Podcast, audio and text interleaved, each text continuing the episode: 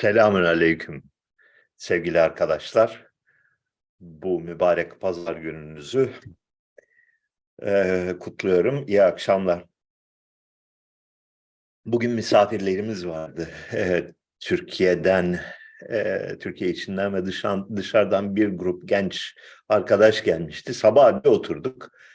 Vallahi çene çene çene çene çok çok konuştum. Yani feci surette konuştum. Yoruldum da galiba. Sonra böyle eve gelir gelmez bir yattım bir uyumuşum ancak uyanabildim.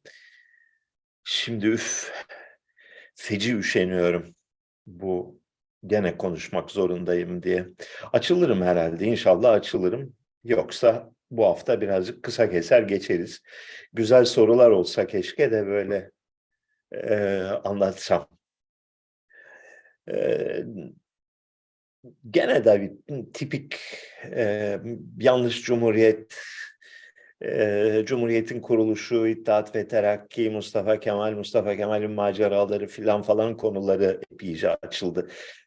Gençleri en çok ilgilendiren konular bunlar galiba. O konulara girince bayağı eee, sohbet derinleşiyor. Öyle. Mafi sıkıldım. Yani o konuyu artık sürdürmeyeceğiz. Herkes de sakalımı çok beğendi. Onu da söyleyeyim yani. Nereden? Bakayım geçen haftalardan kalan sorulara şöyle bir eee, şey yapalım. Eee, ta, ta, ta, ta, tam. Geçtiğimiz hafta içindeki girdiğimiz ufak tefek polemiklere bir değinelim. Eee, yok. Ay sıkıldım onlara. İyi yeni bir şey konu olsun. Sıkıldım.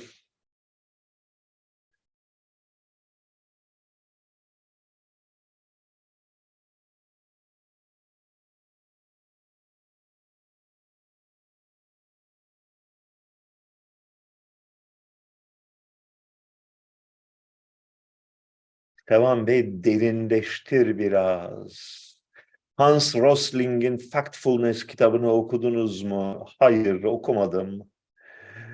Ee, hocam Ermenistan ekonomisi hakkında bilgi sahibi misiniz? Türkiye ile ticari ilişkilerin başlaması halinde sizce nasıl etkilenir? Ee, Türkiye ile Ermenistan arasında ticari ilişkiler var, bir hayli var.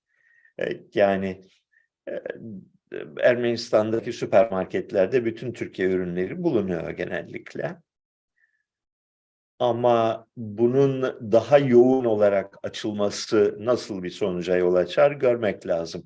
Bu arada bir yanlış bir bilgi var, bir yanlış varsayım var.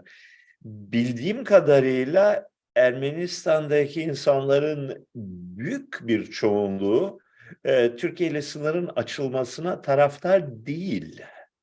Yani karşı olanlar, taraftar olanlardan epey daha fazla orada. Yani öyle şey bir duygusuna kapılmayın böyle Ermeniler yanıyor, yakılıyor, aman ne olur sınırı açın diye. Ee, yani o bayağı bir yanlış anlama olur diye sanıyorum. Maçta Türkiye 2-1 kazanmış diye duydum ee, sevgili patronum ee, ve eşim. İra maçı büyük bir heyecanla dinledi ve beni de haberdar etti. Ben ee, hocam aydın entelektüel olmak için ne yapmalıyız sorusunun cevabı çok da fazla bir şey yapamazsın. Varsa vardır, yoksa yoktur. Başka türlü olmaz o iş. Hocam merhaba, her hafta yazıyorum. Umarım bu sefer cevaplarsınız. ABD'deki güç klikleri konusunda biraz açabilir misiniz? Pentagon, CIA, FBI, küreselci, neokon vesaire gibi güç merkezlerini biraz daha irdeler misiniz? Ee, ay, dipsiz bir kuyu.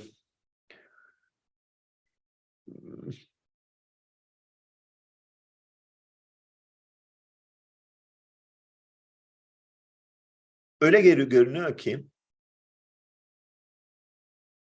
2001 yılından bu yana artan bir oranda bir tane güç odağı var Amerika Birleşik Devletleri'nde. Ee, yani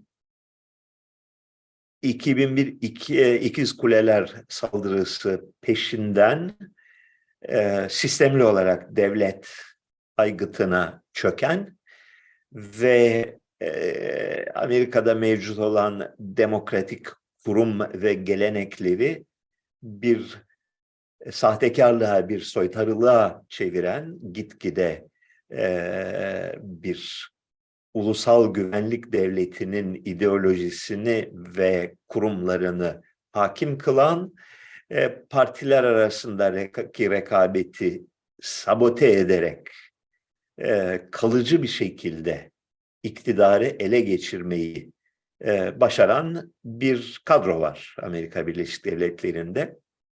Trump'ın seçilmesi bu kadronun gücünü mutlaklaştırması sürecinde bir e, kırılmaydı, bir e, zikzaktı.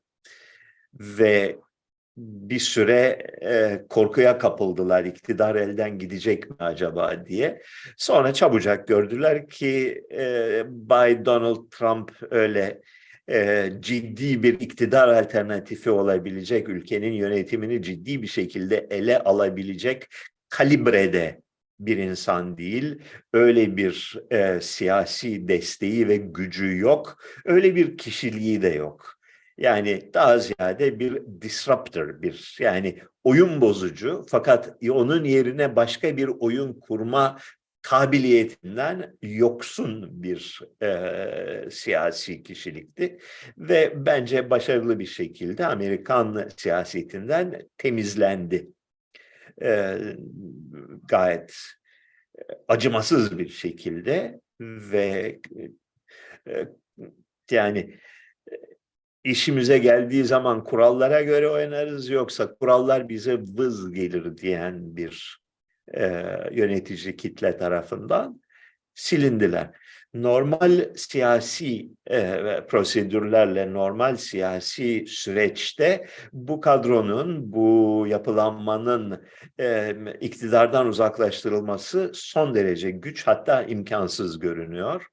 E, bunun için üç ihtimalden birinin gerçekleşmesi lazım ki üçü de, üçünden en azından ikisi çok zor fakat bir tanesi ihtimal dahilinde ya çok büyük ve çok radikal bir finansal kriz. Yani devletin e, borçlarını ve maaşlarını ödeyemez hale gelmesiyle sonuçlanacak olan bir siyasi kriz veya bir iç savaş veya bir büyük dış savaş. Bunlardan biri olmadan e, Amerika'da şu anda iktidarda olan güç odağını ortadan iktidardan uzaklaştırmak imkansız görünüyor. Böyle. Hocam eskiden değişim bu kadar hızlı değildi. Sosyal medya ve dijitalleşme ile bu hız arttı. Bu işin sonu nereye varabilir? Bunu takdir etmenin imkanı yoktur. Yani değişimin hızlandığını e, objektif olarak ölçecek ya da kanıtlayacak bir yöntem ben bilmiyorum. Dolayısıyla ne, değişim gerçekten hızlandı mı hızlanmadı mı bu konuyu bilmiyorum. Ee, yani bu Hocam yapay zeka bizi yok edici yok ediciye dönüşürse kaçacak bir yerimiz var mıdır sorusunun cevabı tahmin etmiyorum öyle bir yok ediciye dönüşme ihtimali olduğunu hatta yapay zeka diye bir şeyin mümkün olduğunu da en azından bugüne kadarki bilgilerimiz çerçevesinde zannetmiyorum. Ee, bir e, bir şovdan ibaret olduğunu düşünüyorum. Yapay zeka e, teorisinin. Hocam antrenmanı teravih vaktine koymanız art niyet değil mi? Vallahi teravih vakti nedir ve ne, hangi saattir bilmiyorum. Onun için bunun art niyetli olduğunu sanmıyorum. Ee, ha, e, şu anda büyük oruç dönemindeyiz Ermeniler açısından. Büyük oruçta böyle sohbet toplantısı düzenlenir mi, düzenlenmez mi diye sorarsanız onu da bana değil Ermeni Kilisesi'nin değerli hocalarına sormanız gerekir.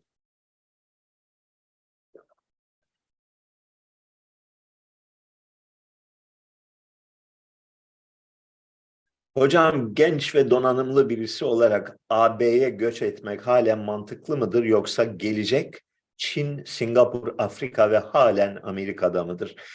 Ee, Avrupa Birliği'nde e, yetenekli ve hırslı birinin Avrupa Birliği'nde var olan bürokratik yapılar içinde mevcut bir yeri yok ise şayet e, bir geleceği olduğuna inanmıyorum ben gerçekten Batı Avrupa ülkelerinin büyük bir hızla yaşanmaz ve yaşanamaz yerlere dönüştüğü kanısını taşıyorum. Ee, şu anda henüz e, güvenlik ve ekonomi açısından büyük bir krizle karşı karşıya değiller. Fakat yakın gelecekte bu krizin kaçınılmaz olduğunu düşünüyorum.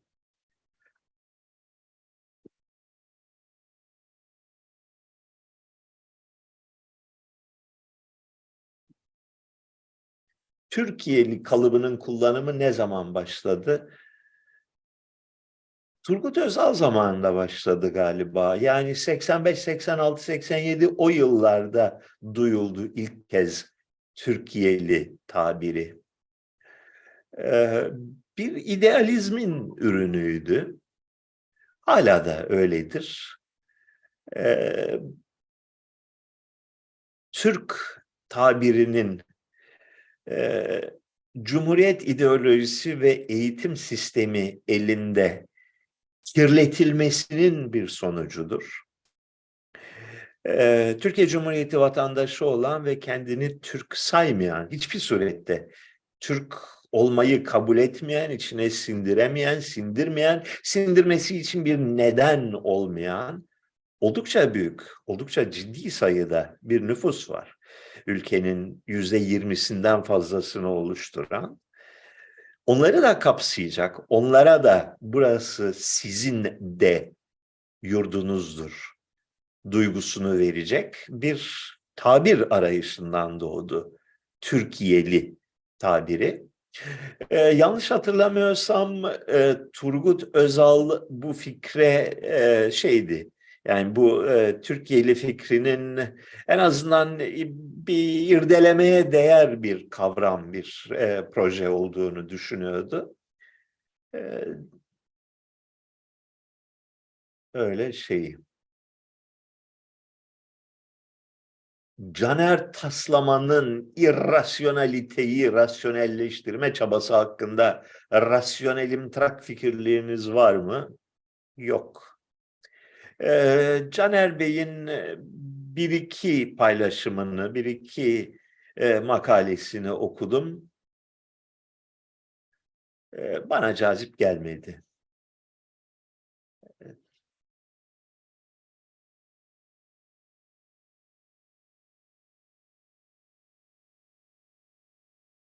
Başka.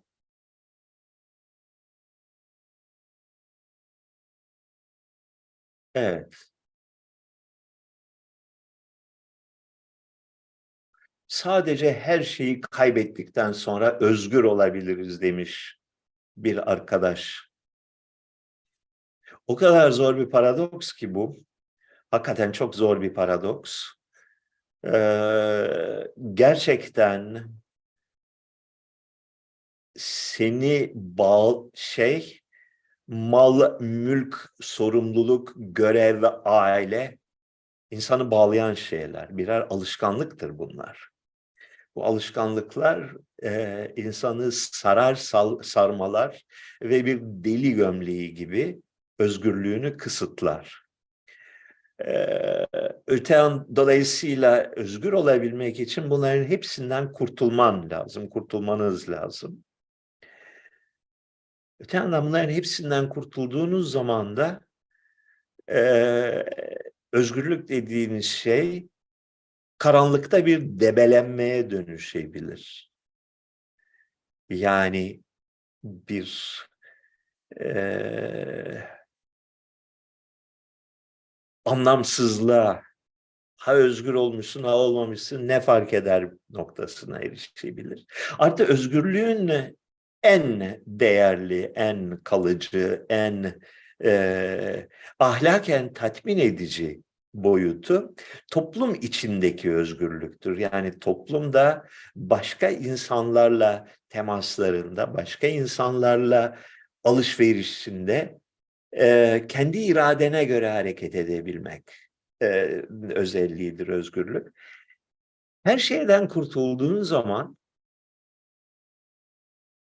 bu özelliğini de yitirirsin. Yani paran olmadığı zaman, dostların olmadığı zaman, toplumda tanımlanmış bir mevkiin ve itibarın olmadığı zaman, insanlar üzerindeki etkin de sıfırlanmış olur. Dolayısıyla özgürlüğünü kaybedersin.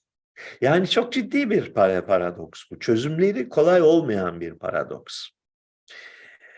Ee, şey diyenler olmuştur. Yani gerçekten özgür olabilmek için başına diktatör olman lazım. Yani e, çok büyük sayıda insanlara hükmeden ve tekil iradenle hükmeden kişi olman lazım ki özgür olabilesin diyenler de olmuştur. Oysa e, tarihe baktığımızda ve gerçek dünyaya baktığımızda diktatörün özgürlüğünün artmadığını, aksine azaldığını görüyoruz. Yani diktatör e, büyük bir mücadeleyle sınırsız e, kudretini, iktidarını kurduğu zaman bir kuklaya dönüşme ihtimali, bir e, kendi yarattığı mekanizmalar tarafından esir alınmış, yeni adımlar atması gitgide imkansızlaşmış, e, insanlara karşı, çevresindeki insanlara karşı nispi özerkliği ortadan kalkmış bir trajedi kahramanına dönüştüğünü görüyoruz. Yani tarihteki büyük zorbaların, büyük e, muktedirlerin öyküsüne baktığınız zaman bireysel özgürlüklerinin artmadığını, aksine azaldığını görüyoruz. Yani bugün mesela Türkiye Cumhuriyeti'nin birinci Cumhurbaşkanı hakkında bayağı ilginç e, sohbetler yaptık. E, orada görüyorsun nasıl bir adamın iktidardaki 15 yıllık süreci dikkatli okursan bayağı bir trajedidir. Muazzam bir mücadelenin, çok epik bir mücadelenin, büyük bir e, kahramanlık öyküsünün sonucunda iktidara gelmiş. Yani yıkılmış bir devleti yeniden kurmak gibi akıl almaz büyüklükte ve çok riskli ve çok zor ve çok e, imkansız bir işi başararak gelmiş ve bunu yaparken şey bütün anlatılardan şeyi görüyoruz. Ona olağanüstü bir enerjiyle e, günde 24 saat e, şey mesaiyle e, aynı anda iki düzine krizi e, çözmeye çalışmak gibi bir mücadeleyle e, o noktaya gelmiş. Sonra bakmış yani dönmüş dolaşmış gelmiş bakmış ki Çankaya Köşkü'nde bir esir haline gelmiş bu sürecin sonunda. Ve bunun getirdiği bir e, depresyonu, bunun getirdiği derin hayal kırıklığını e, iktidarda olduğu yıllarda e, yaşadığını görüyoruz. Yeni ve gitgide e, çığırından çıkan, gitgide çılgınlaşan yeni projelerle yeni savaşlar açmaya çalışmış. Ee, yani önce alfabe seferberliği, bütün bir milleti eğiteceğiz, yepyeni bir, şeyle, alfabeyle e, şey yapacağız, e, tanıştıracağız seferberliği. E, ondan bir süre sonra artık çılgınlık noktasına varan bir şey. Tarihi yeniden yazacağız. Ülkenin dilini yeniden yaratacağız gibi seferberliklere girişmiş. Yani bunlar bir zamanlar ciddi bir kriz karşısında, çok ciddi, çok gerçek bir kriz karşısında ee, bir devlet yıkmış ve yeni bir devlet kurmuş bir adamın e, can sıkıntısından yahut da e, kıstırılmışlık duygusuyla giriştiği bir takım hayali savaşlar, yer değirmenlerine savaş açan Don Kişotça mücadeleler olarak görmek size yeni bir bakış açısı kazandırabilir.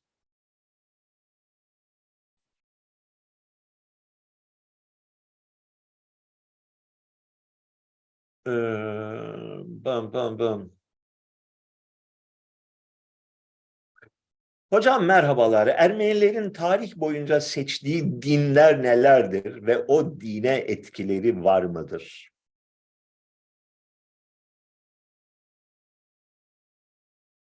Peki.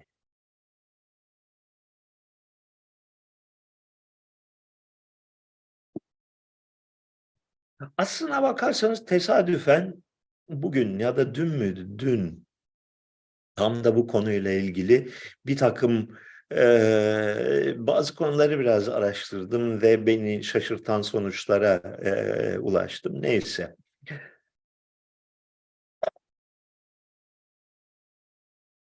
Ermenilerin kadim tanrıları ve kadim dini, e, pagan dini, eski tanrıları diye e, sözü edilen e, dini gelenekler İran gelenekleri. Yani milattan önce 6. veya 5. yüzyıl gibi bir tarihte empoze edilen bir takım e, dini gelenekler. Yani ondan önceki dönemde, Urartu dönemindeki panteon farklı bir panteon, farklı tanrılar ve farklı tapınma biçimleri söz konusu. Yani 6. yüzyılda İran'ın siyasi egemenliği altına giren Ermeni ülkesinde yeni bir dizi tanrı ve yeni bir tapınak modeli ortaya çıkmış görünüyor. Milattan önce birinci veya ikinci yüzyılda Yunan tanrılarını topyekün ithal etmişler. Yani Kral Dikran zamanında bunun yapıldığı söylenir. Aslında Kral Dikran'dan önce milattan önce 2. yüzyılda Ardaşes zamanında e, Yunan ülkesinden tanrı ve tanrıça heykelleri getirip yeni tapınaklar inşa ettirdikleri söylenir. E, Dikran zamanında ciddi bir politika olarak milattan önce 80 küsur yılları oluyor. Pontus kralı Mitridates ile Mihridat ile birlikte bir ittifak kurarak Ermeniler Anadolu'da ve hatta Suriye'de Roma yayılmacılığının önüne geçmek için bir anti-Roma ittifakı oluşturdular ve bir büyük bir mücadeleye giriştiler ve bu mücadeleyi kaybettiler. Ee, bu mücadeleye giriştikleri tarihte ilginç bir detay, yeterince üzerinde durulmuş bir konu mudur bilmiyorum. Ee, Yunan dünyasından tanrılar ithal etmeye karar vermişler. Ee, ve bunların rahipleriyle birlikte baya bir ithal bir ideoloji, bir din tesis etmeye çalışmışlar. Fakat şöyle bir şey geçiyor o zamanın tarihlerinde. Bu gelen e, e, rahipler derin Ermenistan'a gitmeyi reddettikleri için Ermenistan'ın en batı kısmı olan Erzincan yöresinde Erzincan, Tercan, Kemah yöresinde bir dizi büyük tapınak inşa ederek e, efendim Athena, Zeus, Apollon, Hephaistos vesaire kültünü tesis etmişler. Bunların tapınmasını. Baya baya şeye benziyor. Bir pilot bölge seçmişler oraya, orayı ve orada bu tapınakları e, inşa etmişler gibi görünüyor.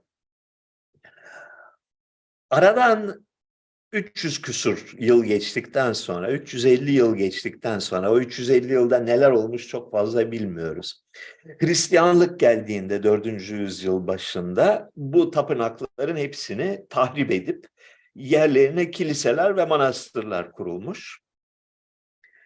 Ee, bir ufak detay orada dikkatimi çekti. Ee, Dikran zamanında Zeus mabedi kurulmuş. Kemah'ta. Çok önemli bir tapınak. Fakat 350 sene sonra o tapınağı yıktıkları zaman Zeus mabedi diye geçmiyor adı. Hürmüz mabedi, Aramaz madeni, e, mabedi diye geçiyor. Yani Yunan tanrılarının isimleri aradan geçen sürede İranileşmiş. Batı e, kültürel emperyalizmine karşı Doğu kültürel emperyalizmini seçmişler. Üçüncü yüzyıl ya da dördüncü yüzyıl başı gibi bir tarihte. Buna tepki olarak bu sefer Hristiyanlık gelmiş. Hristiyanlığın gelişi çok çarpıcı bir süreçtir e, Ermenistan Krallığı'nda. Gerçekten e, etüt edilmeye değer bir süreçtir. E, o tarihte İran'ın genel kültürel etkisi altında olan e, Ermeni Krallığı'nda büyük bir iç mücadele sonucu, bayağı kanlı ve zor bir iç mücadele sonucunda aydınlatıcı diye aziz kabul edilen Aziz Krikor yani Gregor e, Yunan diyarından yani Kayseri'den getirdiği yeni dini krala kabul ettirmiş. Tüm tapınakları teker teker bütün maiyeti ve ekibiyle gidip yıkmışlar. Yani kahretmişler tapınakları. Rahiplerini öldürmüşler. Ve tapınakların çok geniş olan mülklerine, tapınak arazilerine, tapınaklara ait olan köy ve kasabalara el koymuşlar. Bunları kilise adına etmişler. Kilisenin de yöneticisi Aziz Krikor'un kendisi olduğu için çok kısa bir zaman içinde e, Aziz Krikor ve sülalesi Ermeni diyarının en büyük mülk sahibi haline gelmiş. Yani mesela Erzincan ilinin neredeyse tamamının maliki haline gelmiş. Ee, ve kendisinden sonra önce bir oğlu, sonra diğer oğlu, sonra torunu, sonra torununun torunu sırayla e, Ermeni Kilisesi'nin e, yöneticisi yani gene baş rahibi e, konumuna gelmişler.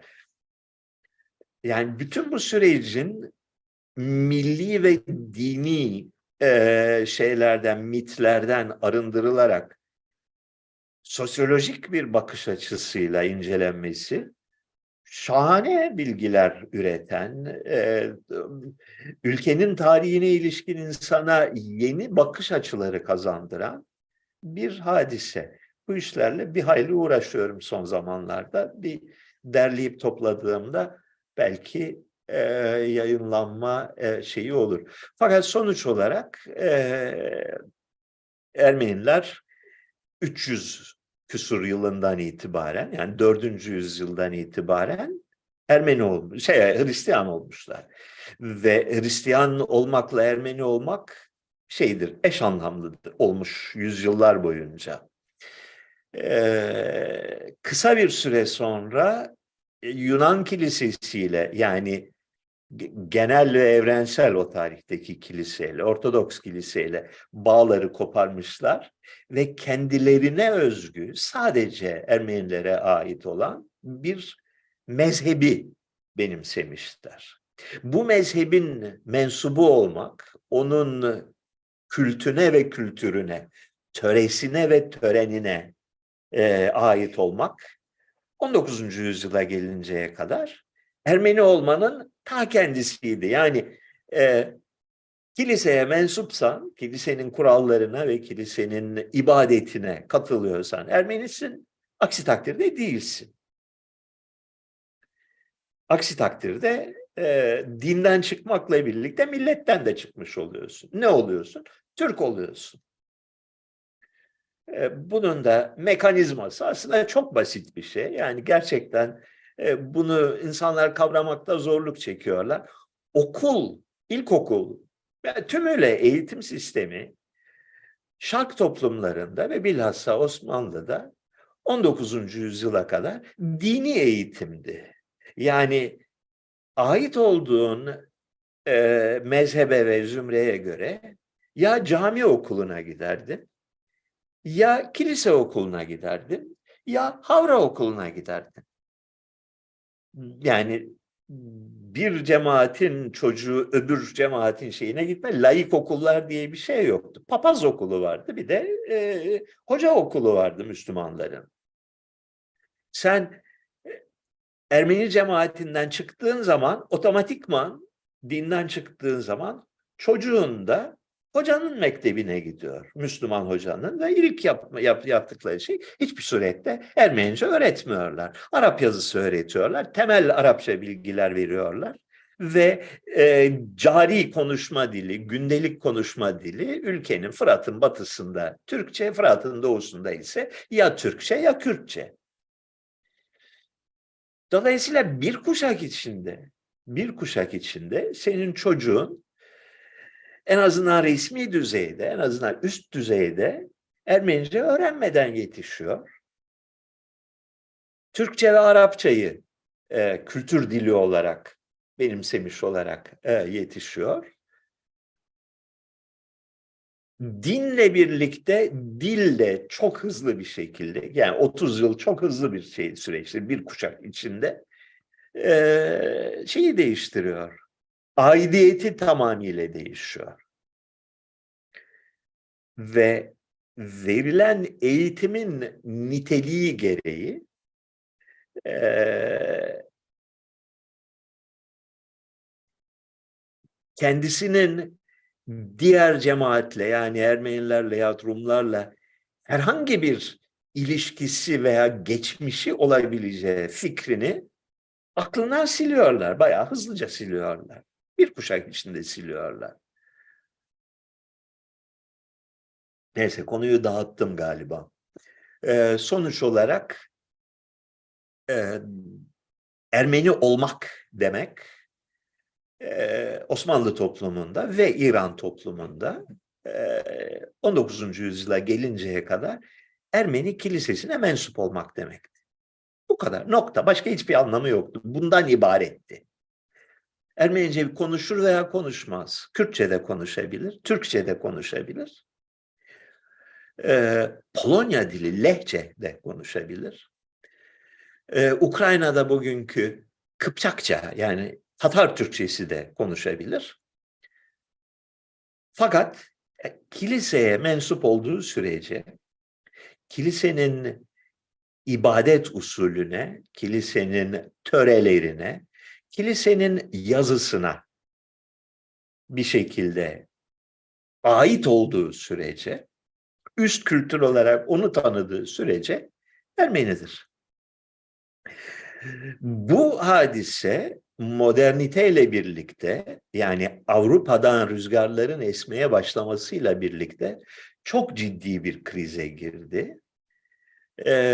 18. yüzyıl ortalarından itibaren Ermenilerin bir kısmı Ermeni kilisesinin yobazlığından, Ermeni kilisesinin para ve mal düşkünlüğünden, Ermeni kilisesinin bir e, sömürü düzenine dönüşmüş olmasından rahatsız olarak buna tepki göstererek alternatif olarak Katolik dinini seçmeye başladılar. Katolik oldular. Bir Katolik Ermeni Kilisesi diye bir hadise çıktı.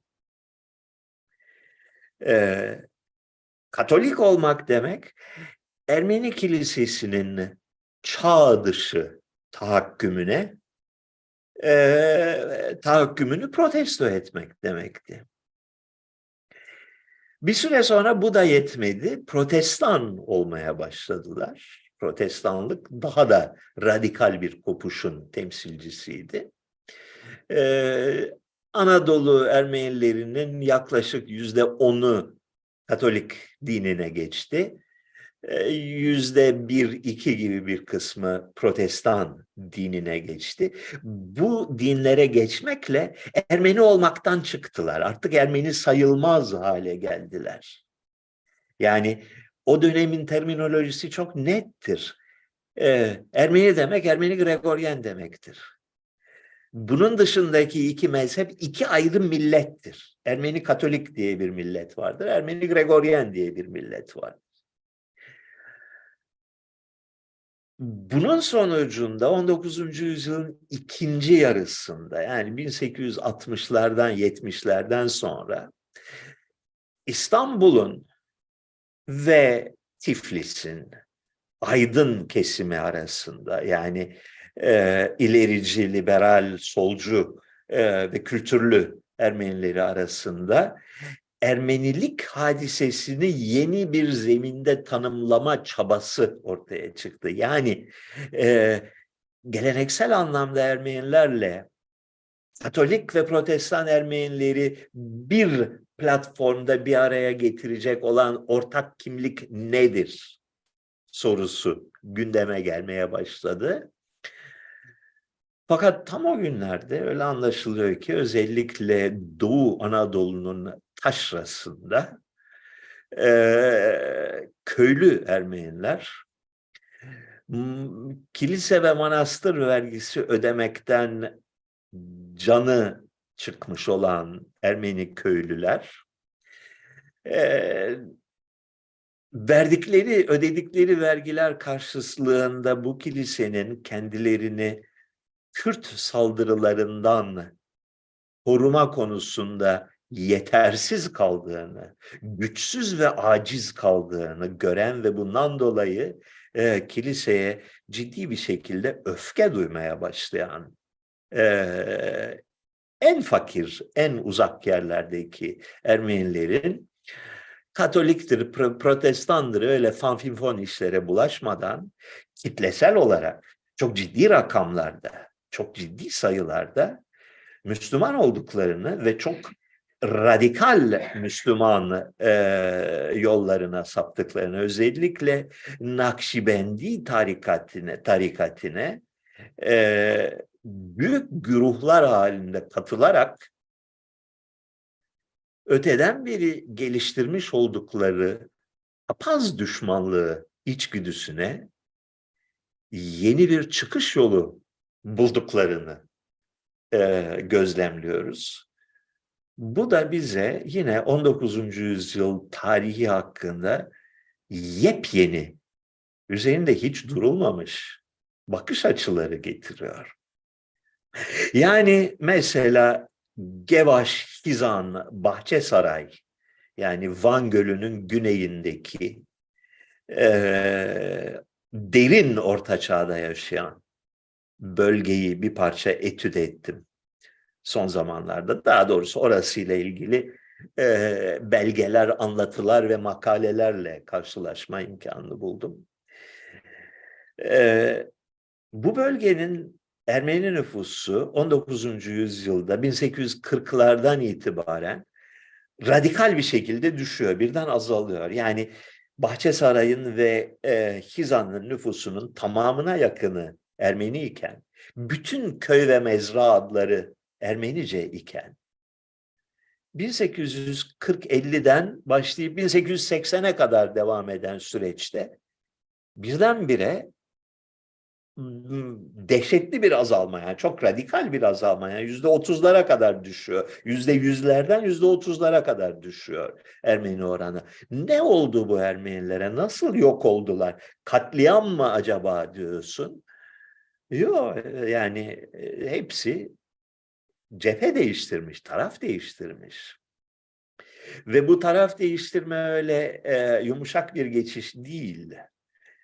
E, derin bir düşmanlık hissiyle e, hissinin eşliğinde e, gerçekleşen bir şey.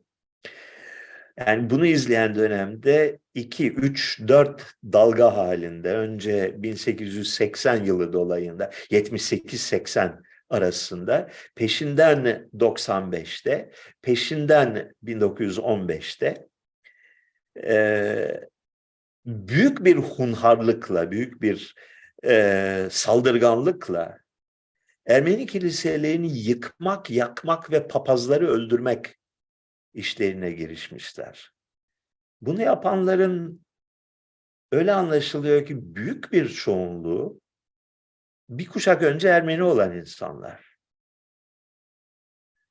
Yani Ermenilerin tarihteki dinleri seçtiği dinler hangileridir sorusunun cevabı bizi çok karmaşık konulara sevk eden bir e, şey konu. Bülent Ecevit'in Pülümür şiirinde geçiyor. Başıma kondu Türk yeliliğim tabiri. Ee, doğru haklısınız. Bülent Ecevit'in Pülümürlü Yaşsız Kadın şiiri 1974 mi 75 mi ne öyle bir tarihte çıkmıştı. 73-74. Demek ki o tarihte Türk yeli tabiri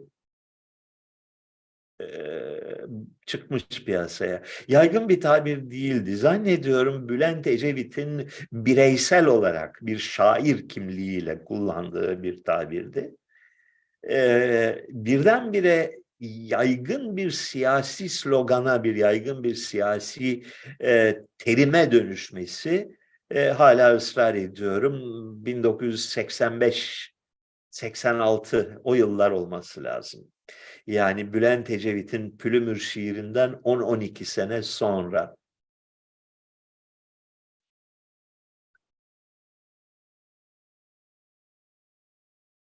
Hocam Türkiye'de siyaset neden Hindistan melodram dizileri gibi sürekli ağdalı bir duygusallık var?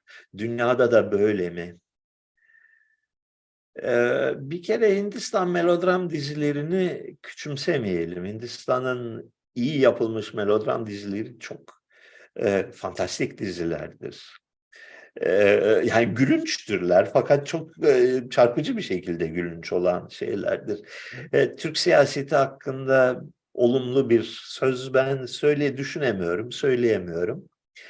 E, Valla Türkiye'de siyasetin, kamu siyasetinin yani e, söylem düzeyindeki siyasetin, halkla paylaşılan siyasetin seviyesi gerçekten çamur altı bir şey. Yani iğrenç bir seviyede.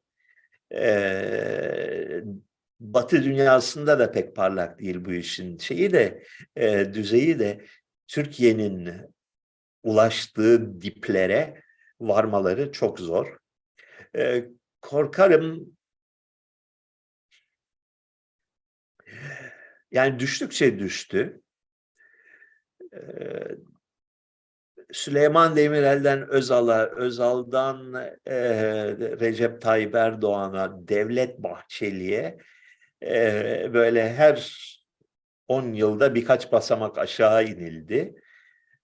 Gelindiği noktada yani Devlet Bahçeli'nin konuşmalarına, Recep Tayyip Bey'in konuşmalarına baktığın zaman yani insan bırak Türkiye'li olmaktan, insan olmaktan utanır diye düşünüyorum. Yani bu kadar beyinsiz, bu kadar nefret dolu, bu kadar ilkel bir takım kavramlar çerçevesinde dönen bir siyasi söylem e, utanç verici. Bunu söylemek lazım.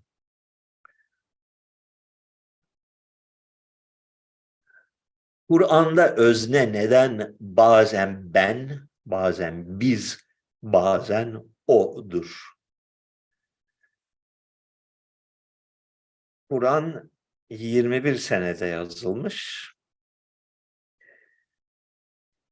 21 sene sözlü olarak gelen bir takım laflar yine sözlü olarak en az 30 en çok 60 yıl hafızalarda tutulduktan sonra pazarlık sonucu bir metne dönüştürülmüş. Arada çok kazalara uğramış. Yani ben de 21 senede bir kitap yazsam, eee, bazen ben, bazen biz, bazen o diye söz sözünü etmem e, kaçınılmaz bir şey. İnsan unutuyor bazen eee, şeyini, eee, tutturduğu uslubun standardını. Böyle yorumlayalım. Diktatörler genelde mutlu, keyifleri yerinde adamlar oluyor. Hangi diktatörden söz ediyorsunuz? Ali Ağa Yusufzade bilmiyorum. İsminizden anladığım kadarıyla e, Sayın Aliyev burada söz konusu olabilir. Belki onu yakından izleme fırsatını bulmadım. E, midem kaldırmadığı için.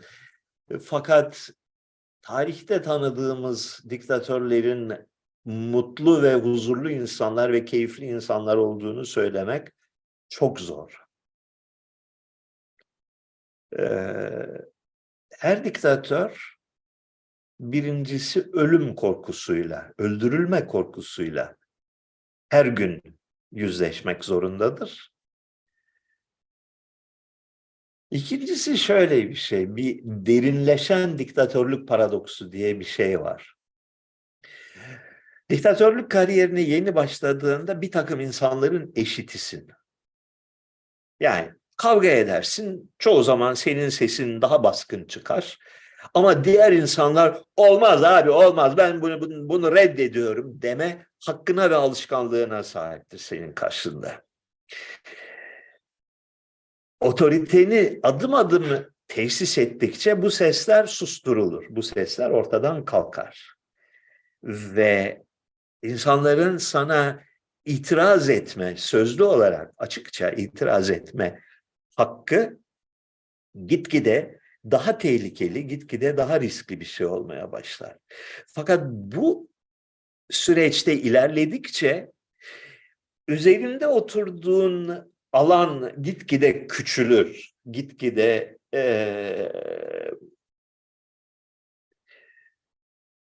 sınırların içine hapsedilirsin. Çünkü öyle bir nokta gelir ki normalde en çok basit ve doğal olan fikir ayrılıkları, basit ve doğal olan tartışmalar imkansız hale gelir. Yani herhangi birinin sana herhangi bir konuda itiraz etmesi çok ciddi siyasi sonuçları olan büyük risk doğuran eylemler haline gelir. Oysa ki yani insanların kafası durmuyor. Şeyi biliyorsun daha 10 sene önce kariyerimin başındayken bu insanlarla ben çata çat kavga ediyordum. Bazen onlar kazanıyordu kavgayı. Bazen patron olmaz biz bunu kabul etmiyoruz dedikleri için ben onlara ayak uydurmak zorunda kalıyorum. Bugün ise artık hiçbir şey söylemiyorum. E bu insanlar değişti mi gerçekten? Yok mu oldular? Yoksa susuyorlar ve yalan mı konuşuyorlar? Emin olamazsın bir yerden sonra.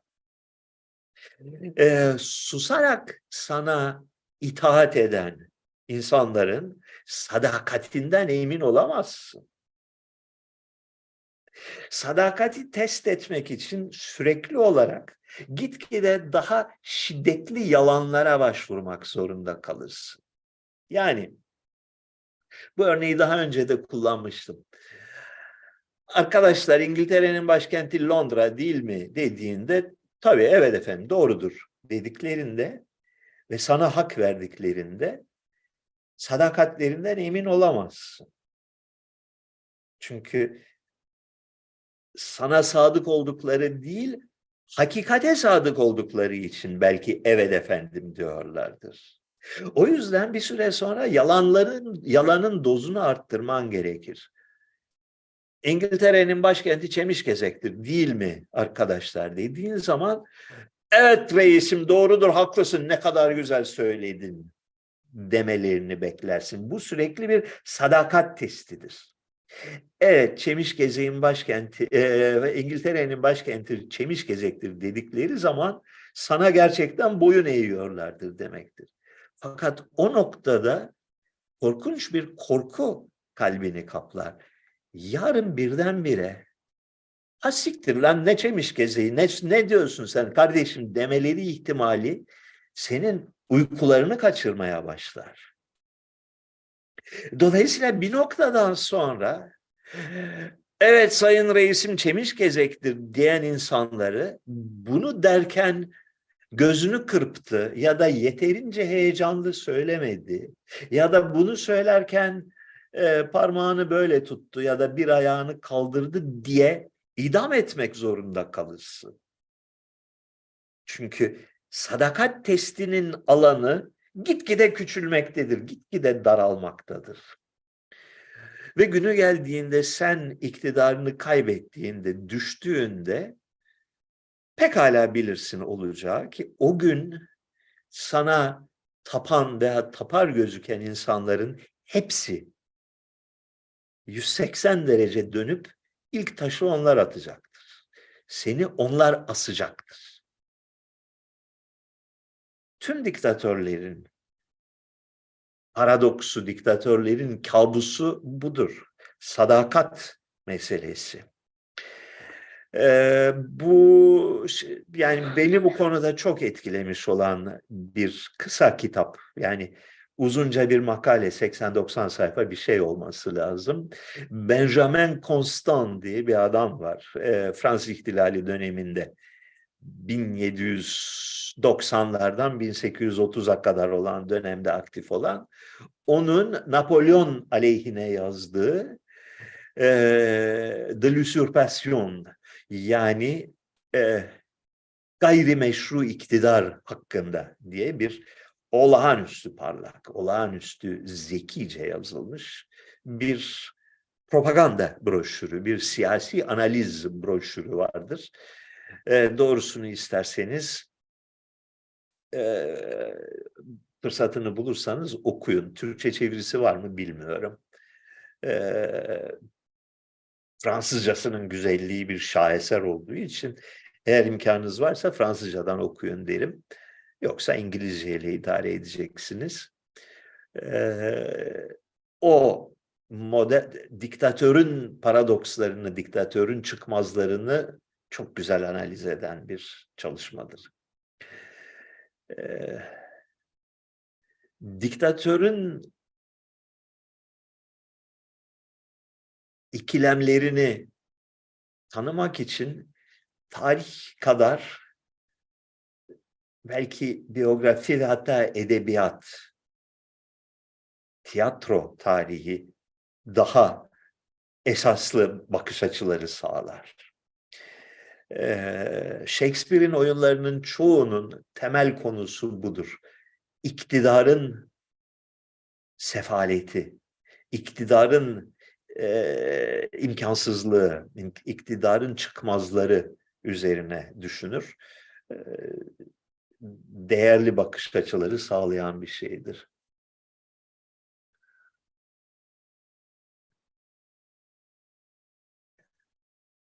Merhaba Sevan Bey. Sizce bir Müslüman LGBT gibi oluşumları destekleyebilir mi? Hristiyanlarda da var bu. Kur'an'ı, hadisleri, eski yeni ahiti okuyan ve inanan bu oluşuma nasıl destek verir? Ee, gerek Hristiyanlık, gerek ondan biraz daha zor dahi olsa e, Müslümanlık tarih boyunca elbette ki evrilmişlerdir. Yeni sosyal gerçekliklerle, yeni toplumsal tarihi gerçekliklerle yüzleşmek ve onları yutmak, kucaklamak zorunda kalmışlardır. Ee, Orta Çağ Hristiyanlığı ile ilk Çağ Hristiyanlığı Yeni Çağ Hristiyanlığıyla Orta Çağ Hristiyanlığı, modern çağ e, 20. yüzyıl, 21. yüzyıl Hristiyanlığıyla öncekiler arasında uçurumlar vardır. Ee, Müslümanlık bir katı bir kurallar sistemine tabi bir din olduğu için yani bir gelişkin bir hukuk sistemine sahip bir din olduğu için yeni içtihat yaratması ve yeni koşullara ayak uydurması nispeten daha zordur. E, fakat e, kutsal kitapların ve dini geleneklerin en büyük özelliği sonsuz derecede esnek olmalarıdır. Yani tarih boyunca çok farklı insani ihtiyaçlara, çok farklı e, güç dengelerine, çok farklı fikir akımlarına ve değer sistemlerine adapte olmuşlar. Onları özümsemişler. Biraz lagaluga, biraz hamhum şaralop, işte o falan falanca ayetin filanca satırında şu kelime var ya işte o kelime bize bunu gösteriyor diyerek e, duruma ayak uydurmayı başarmışlardır. Hristiyanlığın modern çağdaki en azından geçici büyük başarısı e, Hristiyanlığı bir e, ilkeler ve kurallar ve otoriteler dizisi olmaktan çıkarıp bir ahlaki duruş olarak yorumlamayı başarmış olmasıdır. Bir ahlaki duruş artı bir aile geleneği, bir toplumsal töre olarak yorumlamayı başarmıştır. Daha doğrusu bu cümlemi baştan alayım.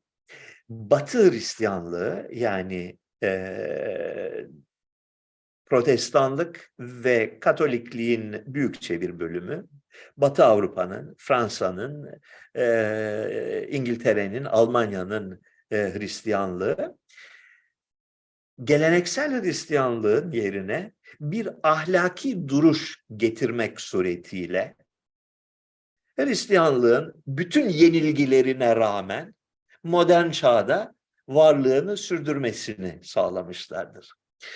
Ee, Akdeniz ülkeleri ve Doğu Avrupa ülkeleri, e, Yunanlar, Sırplar, e, Ruslar, Ermeniler ise bu yöntemi değil başka bir yöntemi seçmişlerdir. Hristiyanlığı bir e, aile geleneğine çevirerek bir dizi hoş mit ve hoş e, coğrafya ile özdeşleşmiş bir dizi gelenek, adab, e, adap ve töreye dönüştürmek suretiyle ahlaki bir söyleme değil, bir gelenekler dizisine çevirerek e, aşmayı başarmışlardır bazı eski zaman ön yargılarını.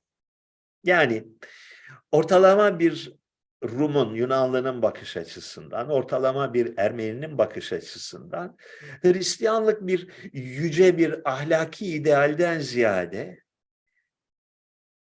pazar günü kiliseye gitmek, falan azizin günü yortusu şu gündür, filan azizin yortusu bugündür ve o günlerde şu dualar söylenir. E, falan dağın başındaki e, Aziz İlya e, şeyine, e, türbesine veya e, şapeline yılın belli bir gününde gidilir ve o gün mutlaka irmik helvası yahut keşkek yapılır. Buna dönüştürerek dini e, sevimli bir folklor, bir yaşam e, örgüsüne dönüştürmeyi başarmışlardı. Dolayısıyla Hazreti İsa şöyle mi demiş, böyle mi demiş kimsenin fazla umurunda değil. Kimse bilmiyor zaten bunları. Hazreti İsa şöyle demişse eğer başka yerde de böyle demiştir. Geç bunlar. LGBT meselesini de bence temelle insan onuru ve hakları düzeyinde gör, görmek lazım. Yani eşcinsellerin bir Allah'ın kulu olduğunu, e, dolayısıyla her Allah'ın kulu gibi varlıklarına e, saygı gösterilmesi gerektiği ve hatta sevgi gösterilmesi gerektiğini kabul etmek ve bu zeminde dine entegre etmek e, doğrudur. Benim anladığım ve kavrayabildiğim kadarıyla son birkaç yıldır LGBT hareketinin bir siyasi protestoya, bir meydan okumaya dönüşmesi bu dediğim evrimi engelleyen bir süreçtir. Yani insanların geleneksel kültürle yetişmiş olan insanların eşcinselliği bir insanlık hali olarak doğal bir insanlık hali olarak benimsemeleri arzu edilen budur, doğru olan budur, ahlaken doğru olan budur. Dolayısıyla dinen de doğru olması gereken budur. Fakat bunu bir toplumun böyle gözüne soka soka, e, meydan okuyarak, provoke ederek, e, insanları belli bir şekilde düşünmeye mecbur ederek, aksine düşünenleri cezalandırarak yapmaya kalkarsan, tam tersi sonucu elde edersin diye düşünüyorum.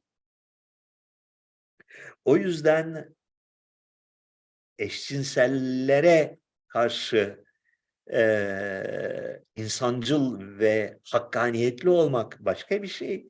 LGBT hareketi diye tanımlanan şeyi savunmak başka bir şey. İkisi birbirine bence taban tabana zıt yaklaşımlar.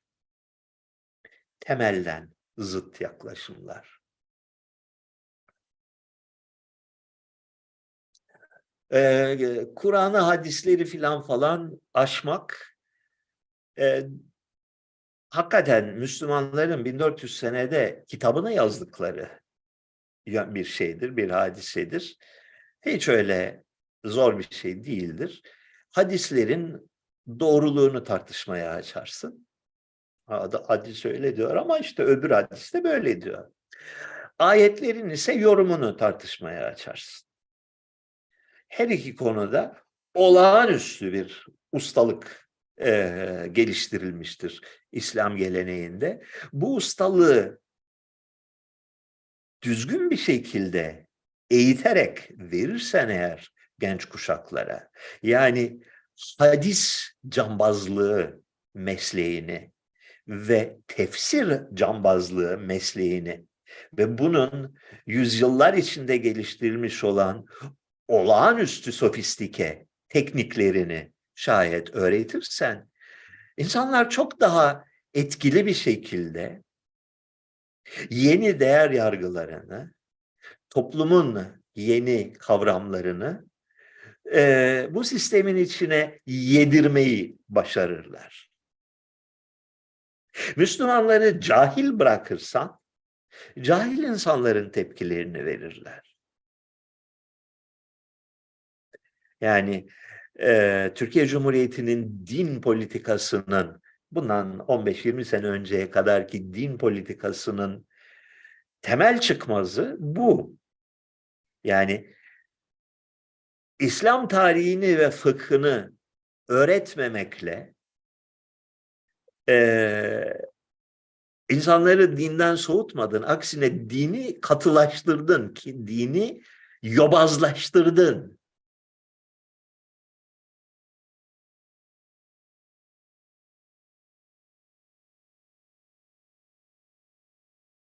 Dur bakayım gene.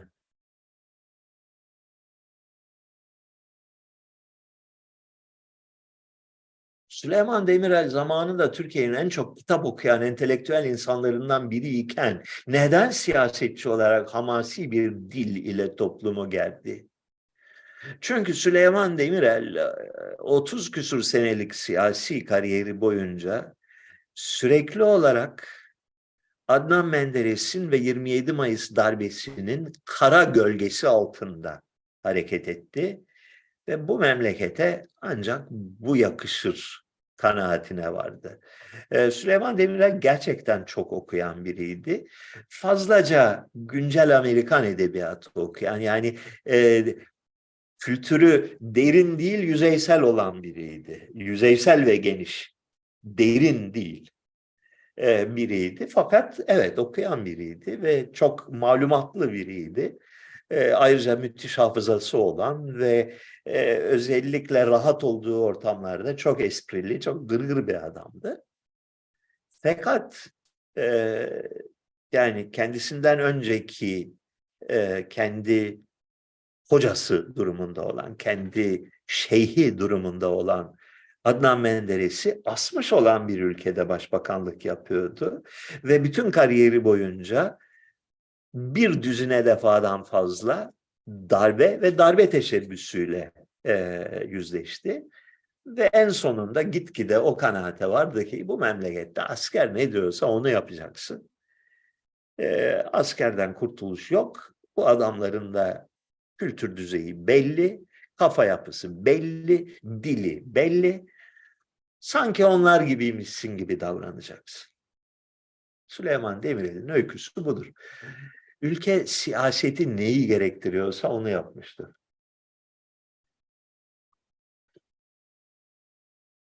Hocam bize 200 kilometre uzaklıktaki Gürcistan'da araçların yayalara yol vermesini neye bağlıyorsunuz? Bu kadar yakın coğrafyada neden bu kadar nezaket sorunu var? Türk şoförler neden yol vermiyor? Şoförlerin yol vermemesi e, evet Türkiye'de şey araba e, otomobil sürücüleri genellikle çok saygısız. Eee Almanya'daki kadar terörist değiller ama e, saygısızlar. Ya öyle. Evet. Daha geniş bir problemin, daha genel bir problemin e, yansıması. E, Türkiye'de insanlar, Türk insanlar kamu duygusuna sahip değiller. Kamuya saygı.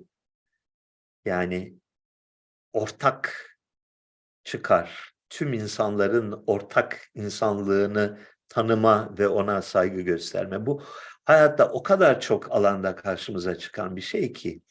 Yani şey örneğini vermişimdir Şirince'de. Şirince'de vaktiyle 18. yüzyıl sonunda köy kurulmuş ve dağdaki bir su kaynağından şahane bir künklerle bir su yolu yapmışlar köye kadar. Köye kadar geliyor künklerle. Yer yer böyle bayırların üstünden köprü üzerinden geçiyor su. Ee, bayağı bir kalıcı yani 100 seneden fazla dayanacak bir su yolu yapmışlar. Köye kadar getirip köyün içinde mahallelere, oradan evlere, çeşmelere dağıtmışlar. 1950'lerden sonra bu 1960'lardan sonra yanılmıyorsam bu künkler eskimiş artık. Önce birazcık tamir etmeye çalışmışlar. Sonra vazgeçmişler, bırakmışlar.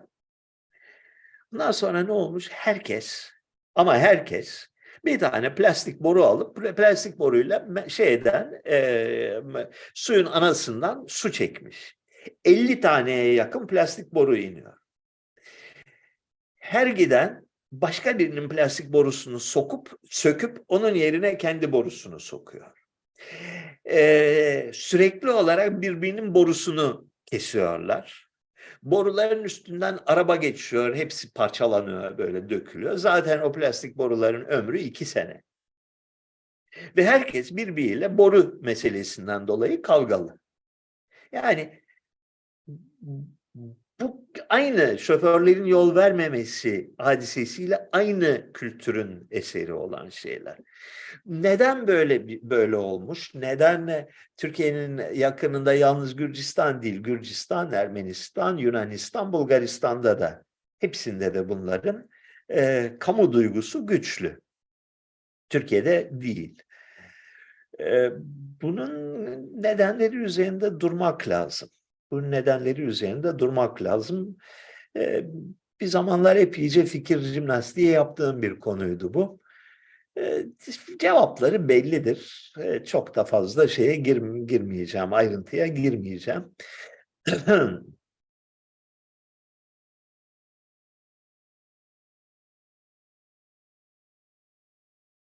Osmanlı ve İslam toplumsal örgütlenme biçimlerinin sonucu olan bir hadise bu diye düşünüyorum.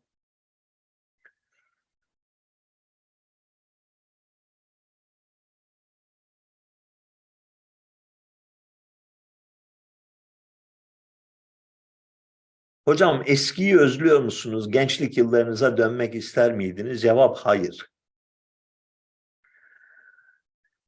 Kur'an'daki Allah sürekli sadakat onayı bekliyor. Kur'an'daki Allah yani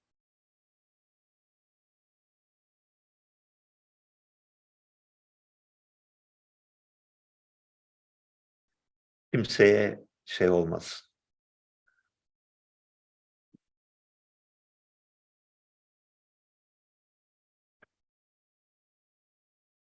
Çemiş gezek Dersim'e yabancıdır. Elazığ'a bağlansın.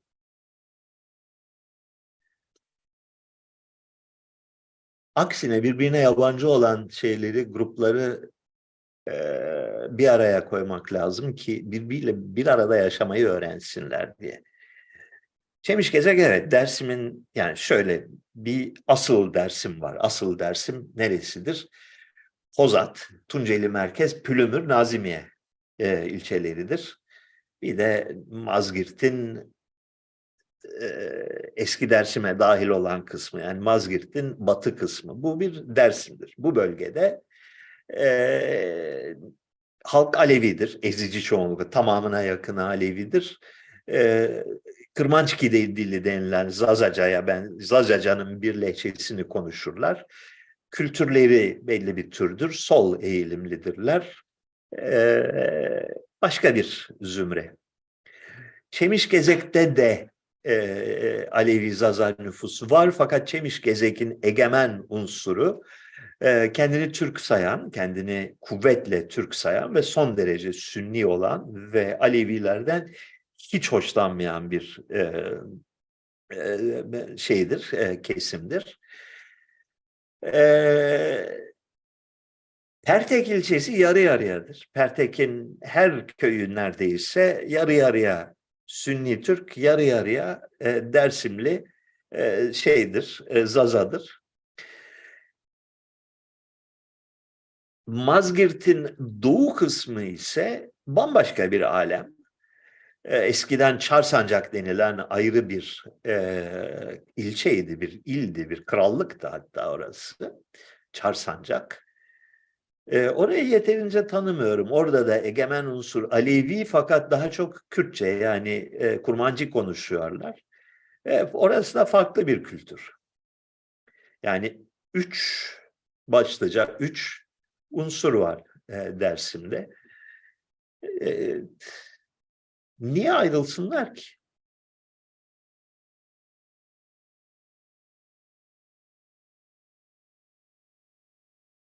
Hocam Rum Ortodoks Kilisesi ile Vatikan neden yakınlaşma sürecine girdi ve bu sürecin sonu ne olur? Hiçbir şey olmaz. Yani e, global hadiselerde belki iş daha yakın işbirliği kurma imkanı bulurlar.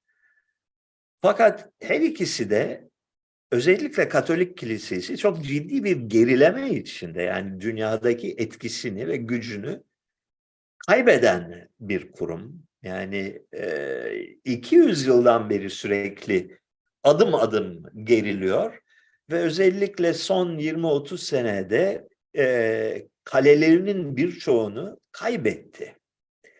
E, Katolik ülkelerde e, kilise e, alışkanlığı e, ve kilise gelirleri radikal bir şekilde düştü özellikle Latin Amerika'da kitlesel olarak büyük kitleler halinde çok ciddi oranlarda Katolik kilisesini terk ederek protestan oluyor insanlar.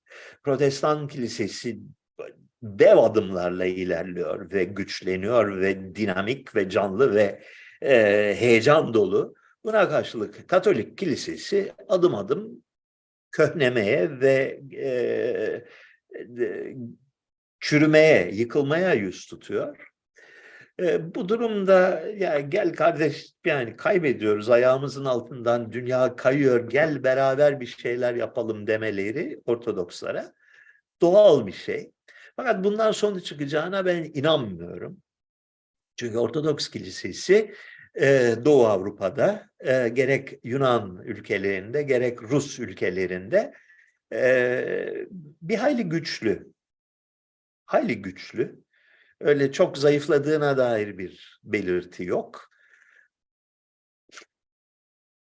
Doğru değil bu dediğim. O, o da zayıflıyor. Çünkü çünkü e, manastırların hepsi kapanıyor. Manastır kalmadı. Manastır kalmayınca da yeni din adamı yetiştirmeleri çok güç bir şey.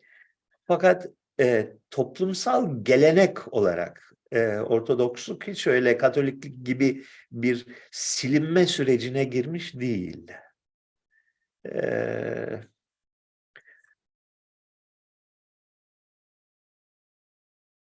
Yakınlaşmaları iyi bir şey. Yani birbirine düşman olan kurumların ve tesislerin e, diyalog kapısı açmaları ve birbiriyle konuşmaları iyi bir şey.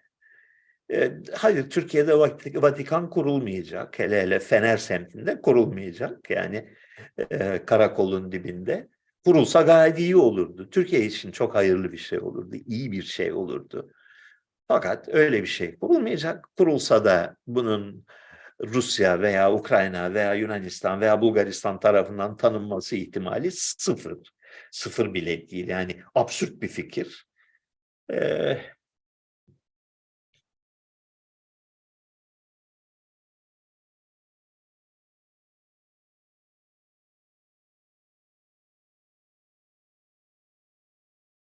Ee, Sırrı Süreyya Önder anlattı sadakat konusunu İzmir İktisat Kongresi'nde.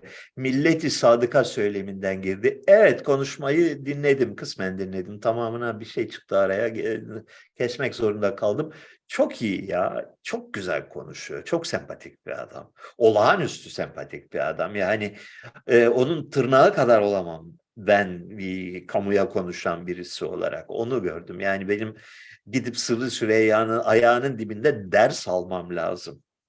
Ee, bir koskoca salon dolusu insan nasıl böyle parmağının ucunda tutulabilir? Nasıl e, şey yapılabilir? Orkestra yönetir gibi duygu ve düşünceleri yönetilebilir insanların bu konuda çok çok başarılı. Yani Türkiye'de ideal cumhurbaşkanı kim olur diye düşündüğümde ondan başka isim gerçekten gelmiyor aklıma.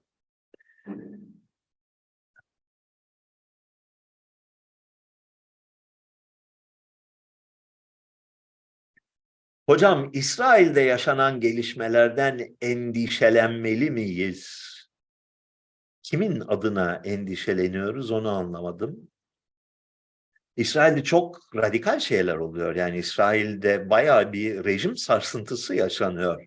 Ee, Benjamin Netanyahu'nun yeniden başbakan olmasıyla birlikte başlayan çok e, ciddi bir e, sarsılma süreci yaşanıyor. Ve aynı zamanda e, şunu görüyoruz.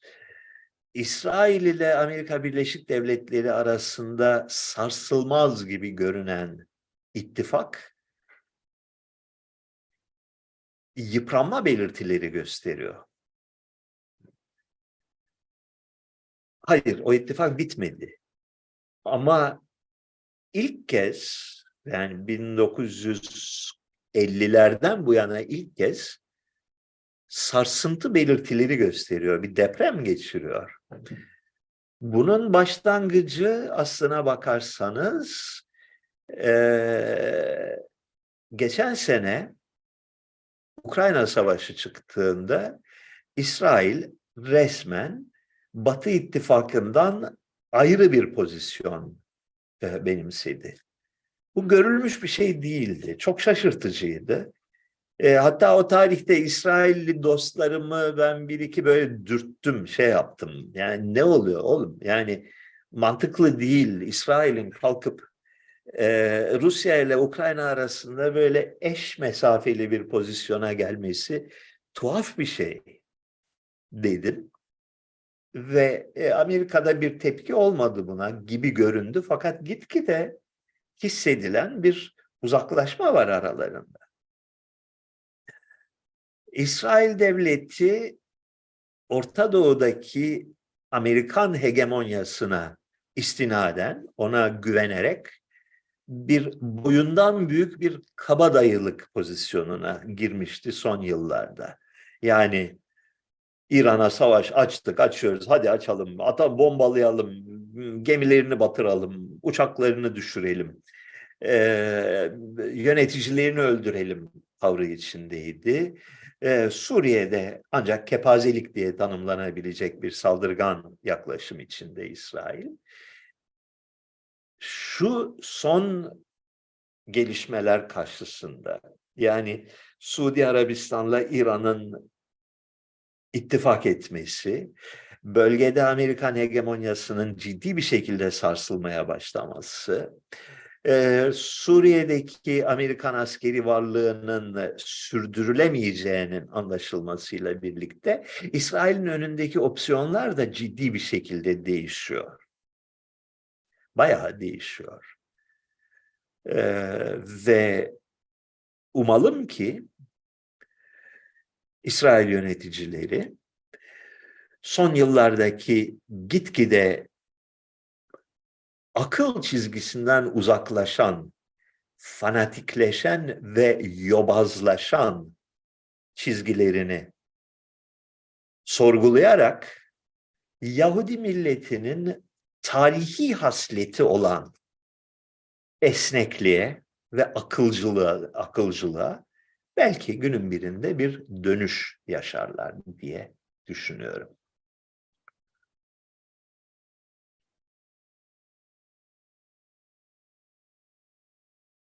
Hocam kadın erkek ilişkilerinde neden hep erkek kovalayan, uğraşan oluyor?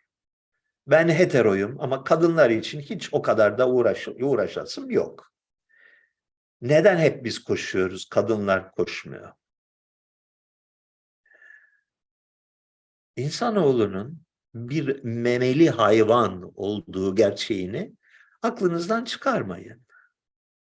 Ve hayatınızda en azından bir takım e, National Geographic yahut da işte Nature Nature şeyleri belgeselleri izledinizse ve aslanların, geyiklerin, domuzların, balinaların, e, farelerin, e, köstebeklerin cinsel yaşamı hakkında birazcık e, eğlendirici bilgiler edindiyseniz bilirse her hayvan türünün belirli cinsel davranış kalıpları vardır. Bunun da dışına çıkmaları söz konusu değildir. Bireyden bireye e, şeyler vardır, derece farkları vardır. Fakat kalıptır bunlar. İnsanoğlu da e, köstebekten yahut fareden yahut e, şey mandadan tür olarak, cins olarak çok farklı bir şey değil.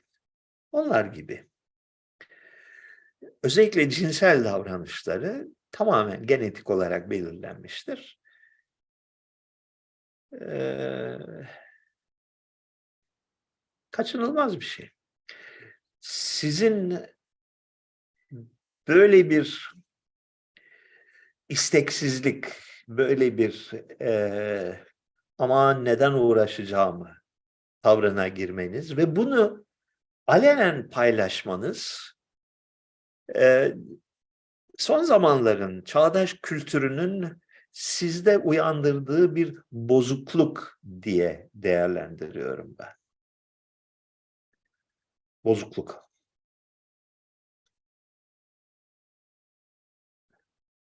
vicdani red hakkında ne düşünüyorsunuz? Bu ülkede vicdani red yüzünden hapse giren ilk kişi olan Osman Murat Ülke'yi biliyor musunuz? Onun bu duruşu ve onurlu mücadelesi üzerine ne söylersiniz? Ee, Osman Murat ülkenin hadisesini epeyce izlemiştik. Özellikle 1980'lerde ve 90'larda bu bireysel olarak vicdani reddici olan ve bunun sonucunda büyük e, kişisel acılar yaşayan insanları e, çok duyduk ve hepsinin kahramanlığına e, şapka çıkardık. Kahramanlıktır çünkü bu en büyük kahramanlıktır.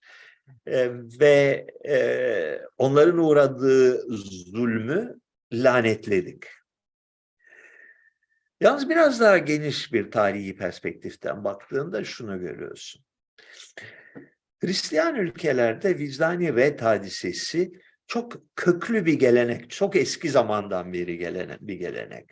Yani Çarlık Rusyası dahil olmak üzere e, bu e, Hristiyan geleneğinden gelen ülkelerde devletle kilise ayrımının da bir sonucu olarak bir e, esneklik payı yani toplumun bir kısmının sayıca az olacağından emin olduğun bir kısmının askerlik mesleğini reddetmesi bilinen bir şeydi, töreydi, bir gelenek idi. E, Türkiye'nin tarihinde yoktur böyle bir şey. Müslüman olmak demek asker olmak demektir. Yani ikisi birbirinden ayrılamayacak iki şeydir, e, unsurdur. Bir Müslüman olarak fiziksel mücadele e, görevini, cihat görevini e, icra etmekle mükellefsin. Hiçbir zaman tanımadı böyle bir şeyi Osmanlı Devleti Müslümanlar için. Dolayısıyla e, vicdani reddin, bireysel vicdani reddin gündeme gelmesi Türkiye'nin modernleşmesiyle ilgili bir krizdir. Yani Türkiye kendine ait olan ve birçok açılardan eskimiş ve köhnemiş olan kültürünü terk edip başka bir kültürün e, davranış kalıplarını benimsemeye kalktı ve bu süreçte bir sürü tökezleme yaşadı. Yani vicdani red krizi bunu bu tökezlemelerden bir tanesidir. Yani biz öncelikle Türk ve Müslümanız. Fakat batılı olmak istiyoruz. Batılı olmanın şartlarından biri Türk ve Müslümanlığın bazı şartlarından vazgeçmektir. Bunu istemiyoruz. Şimdi, Ziya Gökalp paradoksu. Onların kültürünü alalım ama almayalım. Bu. Ee, günümüzde bunun gitgide bu bu tekil unsurun e, günümüzde önemini ve ciddiyetini kaybetme eğilimine girdiğini düşünüyorum. Çünkü askerlik gitgide başka bir niteliğe büründü. Yani umumi e, asker alma yerine umumi asker almanın yani piyade askerinin işlevi gitgide azaldı. Gitgide profesyonel askere, profesyonel orduya yöneldi. E, profesyonel ordularda ise vicdani red diye bir şey söz konusu değil. Yani gündem dışı. Yani Ukrayna'da bir seneden beri savaşı e, şeyle e, Rus resmi ordusuyla yürütmüyorlar. Asıl savaşı veren ilk 6 ayda Çeçenlerdi. Şimdi ise paralı profesyonel gruplar, yani bu Wagner diye geçiyor adı da sadece Wagner'den ibaret değil. Ee, taşeron askerler. Yani anasının koynundan getirilip asker edilenler e, sayıca küçük ve nispeten önemsiz bir unsur oluşturuyor e, Ukrayna'daki savaşta. E, gidişat bu yönde. Yani profesyonel ordular vasıtasıyla yapılacak olan savaşlarda. Tabii profesyonel olunca ordu şey kalmıyor. Söyle adını vicdani retçilik diye bir, bir, bir, bir dert kalmıyor ortada.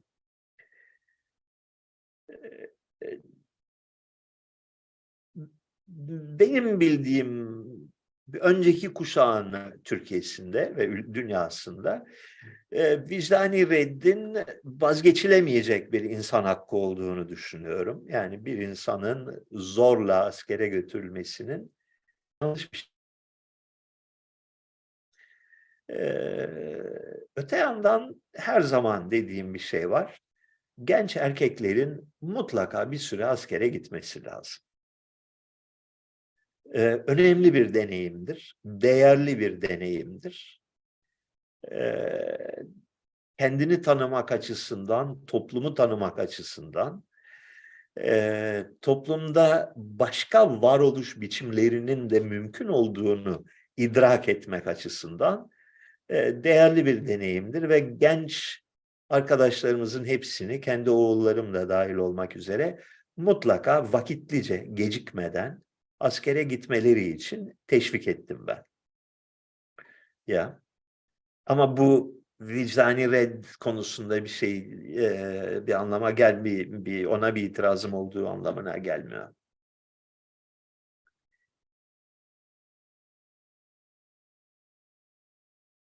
Hocam Urumca ve Urumlar hakkında ne düşünüyorsunuz sorusu var burada bir tane. Hangi Urumlardan söz ediyoruz meselesi var. Ee, bir buçuk sene kadar önce ben bu konuda epeyce bir iki yayın yapmıştım. Ee, bugün Gürcistan'da ve Rusya'da bir miktar yaşayan, e, Ermenistan'da ise tükenmiş, nesli tükenmiş olan bir unsur var, Urum adı verilen. Urumlar e, Rum Ortodoks Kilisesi'ne mensuplar. Dolayısıyla klasik Rum isimleri işte Mikail, e, Yanis, Xenofon filan gibi isimler taşıyorlar. Fakat tek dilleri ve ana dilleri Türkçe. Hem böyle şey Türkçesi değil, İstanbul Rumlarının Türkçesi filan değil, bayağı ağır Erzurum aksanıyla e, köylü Türkçesi, Doğu Türkçesi konuşuyorlar. Ve kuşaklardan beri bu dili konuşmuşlar. Böyle bir millet var. Bunların kökeni konusunda araştırdıkça bak gitgide şeylere kapıldık. Bir takım kuşkulara kapıldık. Şöyle ki genel anlatı herkese bilinen ve kendilerinin de bildiği 1828 ve 29'da 1829'da 28-29 savaşının sonrasında 29'da Türkiye'nin kuzeydoğu bölgesinden yani Erzurum vilayetinden ve aynı zamanda işte Muş'tu ta Erzincan'a kadar olan bölgeden Hristiyanlar büyük kütleler halinde Rusya'ya göçtüler başta Ermeniler, o bölgede Ermeniler vardı. Çok büyük sayılarla, yani yüz binleri bulan sayılarla e, göçtüler. Köylerini, mallarını, mülklerini, her şeyini bırakıp e, kanılara binip Rusya'ya gittiler. O vesileyle bu bölgedeki Rumlar da göçtü. Rumlar vardı yani ta Erzurum'da, e, özellikle Erzincan'da, Erzurum'dan çok Trabzon ilinde Rum nüfus mevcuttu. Yalnız değiştikçe gitgide ben şu çok ayıp şeye kapılmaya başladım. E, kuşkuya kapılmaya başladım ki ya o dönemde Rumlukla alakası olmayan bir takım Türkler de fırsat bu fırsat Rusya'da hayat var deyip Rum olmuşlar ve gitmişler. Böyle bir ihtimal yani bir böyle bir e, Urum köyünün mezarlığına gezdik. Biz İra'yla mezarlık gezmeyi çok severiz. Ee, bu Urum köyü e, Ermenistan'da bir Urum köyü. Bugün nüfusu kalmamış. Bir iki yaşlı insan kalmış o kadar. Ee, mezarlıkta bütün aile bağlarını çıkarmaya çalıştık. Köyün yarısı Sarı Mahmutoğlu, Sarı Mahmudov. Aile adı bu. Yani at, bir noktada ataları Mahmut adını taşımış. Sarı Mahmut. Şimdi e, Rumlarda Türk adı olur. Olmaz diye bir şey yok. Çok olur o dönemde 19. yüzyılda. Ama Müslüman adı olmaz. Mahmut adı olmaz, olmaması gerekir. Yani Mahmut diye bir Hristiyan olamaz, düşünemem. Ee, Hasan diye Hristiyan olur, Mahmut diye olmaz.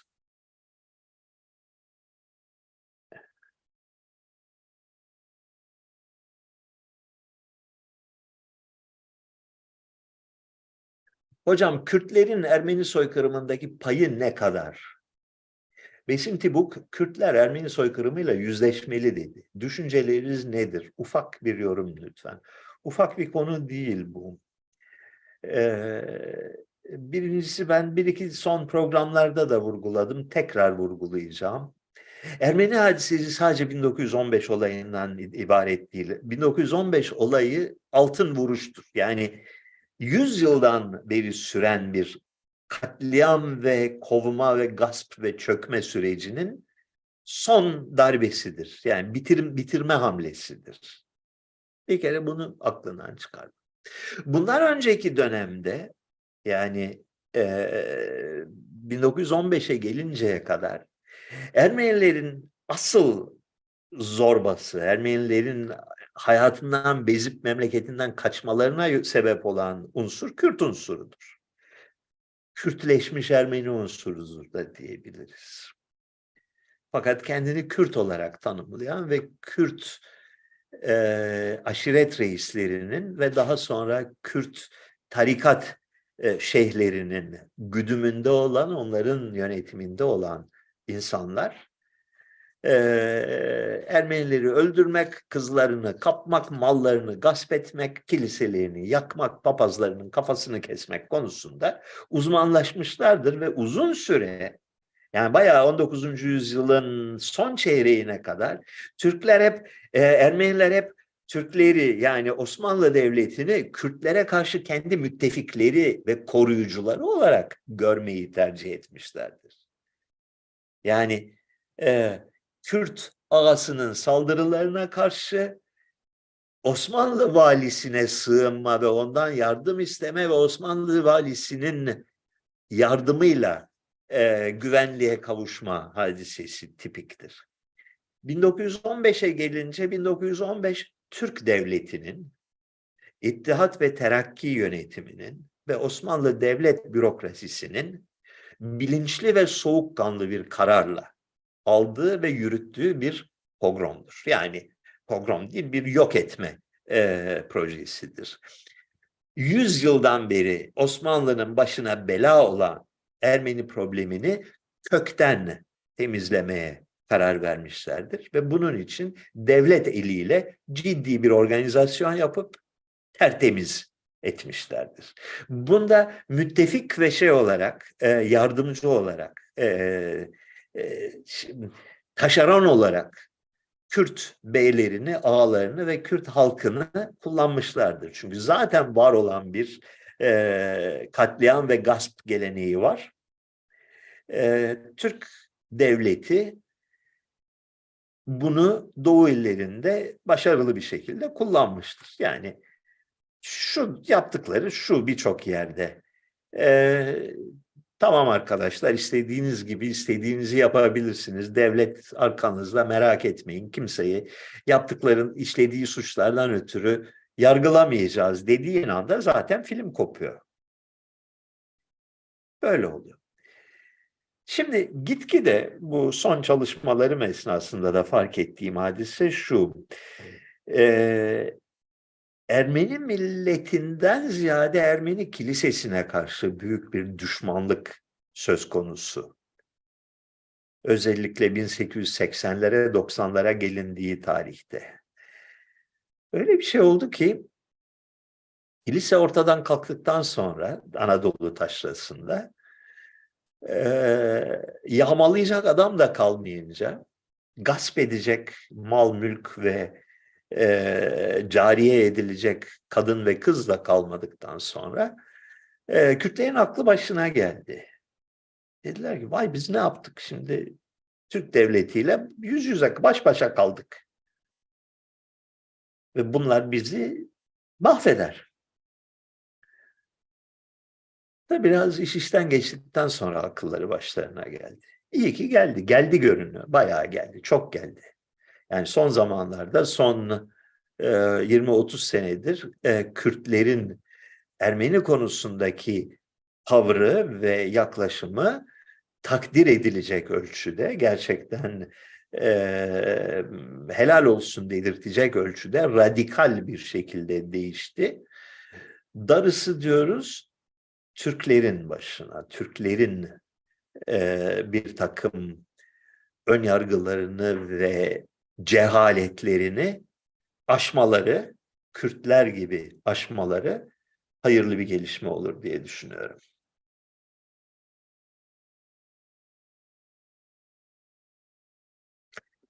Sevan Bey, İTÜ'lü 43 yıllık bir mimar olarak geçen yıl Şirince'de sizin ürettiğiniz şirin evlerde konaklayıp sonra bir daha giderek tabir caiz ise müptelası oldum demiş ve devamı gelmemiş bunun. Ee, bilemiyorum.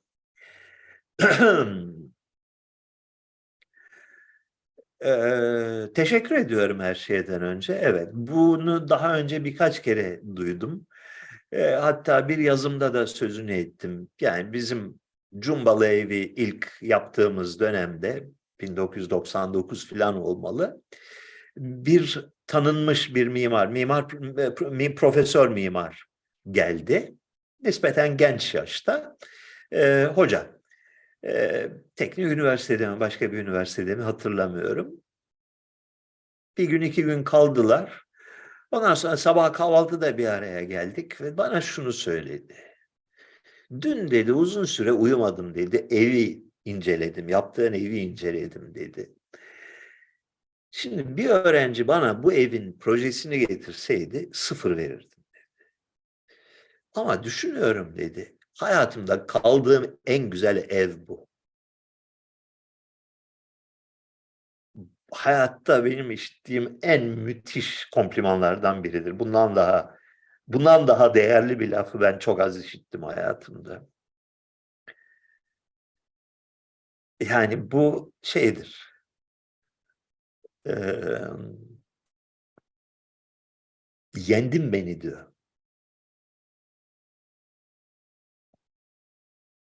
Birçok insandan buna benzer sözler işittim. Bu arada ürettiğim evlerin şirin sıfatıyla anılması beni rahatsız ediyor da diyeyim. Bunu da söylemiş olayım. Şirin bir yer yapmadım ben. Şirin böyle çiçici aynı kadar şirin bir, bir şey aklına getiriyor. Öyle bir şey yapmadım ben. İddialı evler yaptım. Küstah evler yaptım. Başka türlüsünü de yapamazdım. Ee, mütevazı görünen evlerdir. Ee, kıç, yani zenginlik gösterisi yoktur. Kıçını yırtma tavırları yoktur. Ee, lüks yoktur evlerde. Sadedir evler. Fakat anladığım kadarıyla elimden geldiğince yüksek bir estetik standardı tutturmaya çalıştım. Şirin dediği zaman benim aklıma kiç geliyor. Değildir. Yani hiç değildir. O evlerde ben çok dene, deneme yanılma yaptım. Yani e, her evde sıfırdan düşünmeye çalıştım.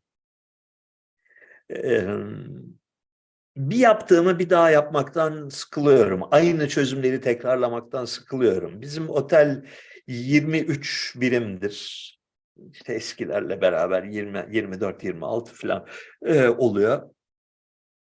Her biri tamamen farklıdır. E, bir, bir standardı yok bunların. Kimi küçük, kimi büyük, kimi daha köy usulü, kimi e, bizim eski İstanbul Burjuvazisi usulü evlerdir. Elimizde ne malzeme varsa ve o gün rüzgar hangi taraftan esmişse onu yapmaya çalıştım. Fakat hepsinde de bir ortak bir kişiliği korumaya çalıştım. Tavizsiz bir estetik tutarlık e, gözetmeye çalıştım. Ne kadar başarılı oldum ayrı bir mesele de ne yapmaya çalıştığımı anlatabiliyorum. Evet, iptila yapan evler. Yani bir gelen kurtulamıyor. Etkiliyor. İnsanların hayatını etkiliyor. Dünyaya bakışını etkiliyor. Bu da insanı hem mutlu eden hem de korkutan bir şey. Bazen yani şey duygusuna kapılıyorum. Yani insanları bu kadar etkilemeye hakkım var mı?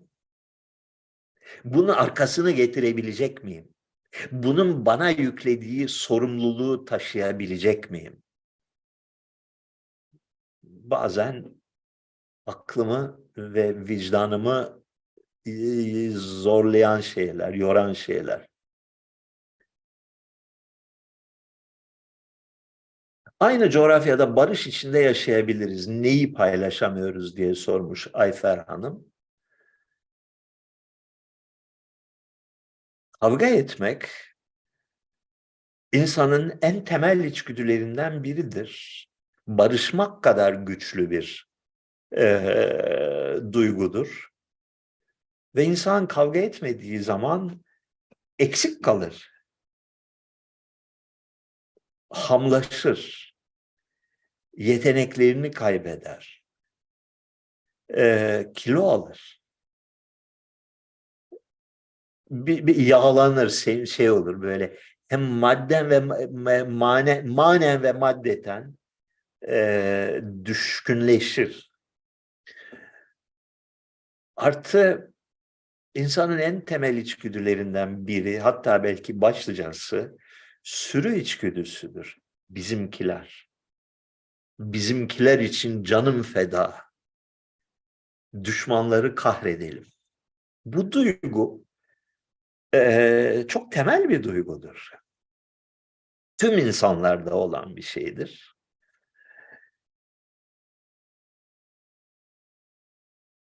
Ulus devletin hatası, ulus devletin çıkmazı diyeceğim.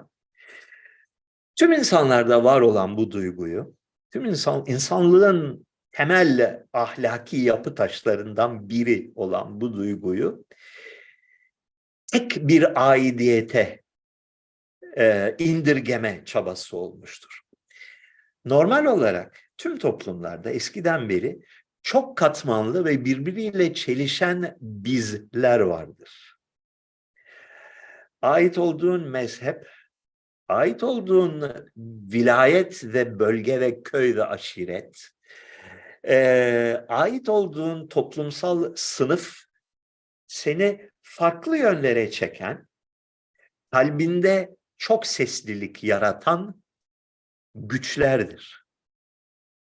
Bunların hepsine birden aitsindir. Bazılarına daha fazla aitsindir. Bazıları için kanını dökmeye razısındır. Bazıları için değilsindir. Ve artı senin toplumun içindeki diğer insanların bir kısmı da senden nispeten farklı e, aidiyet odaklarına sahiptir. Bu sağlıklı bir toplum yaratır. Ve artı bireylerin daha esnek olmalarını, kalplerindeki çeşitli sesler arasında bir denge kurabilmelerini sağlar. Bunları yok edip çoğunu silip bir taneye indirgemeye çalışırsan yani 85 milyonun ortak bir tane aidiyetine, bir tane biz ve bir tane ötekilerini indirgemeye çalışırsan e, toplumu ahmaklaştırırsın. Toplumun e, insani zenginliklerini yok edersin. Etmeye çalışırsın daha doğrusu. Budur asıl problemli olan. Yoksa insanların e, birbiriyle kavga etmesi sağlıklı bir şeydir. Hiç kavga etmeyi bilmeyen ve sadece e, gerçek olamayacak kadar büyük ve soyut bir ideali tek ideal olarak benimsemeye çalışan insanlar yalan olurlar, güçsüz olurlar, hakikat duygusunu kaybetmeye başlarlar, vicdan duygusunu kaybetmeye başlarlar. Dostoyevski'de mi vardır? Sürü klasik romancılarda bu, bu tema vardır. Ben insanlığı seviyorum diyen insan kimseyi sevmeyen insandır.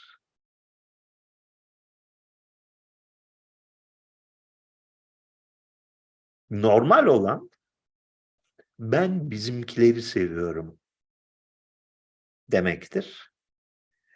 E, fakat modern dünyada bu çok çapraşık, çok çelişkili, çok zor ikilemlerle insanı karşı karşıya bırakmaktadır.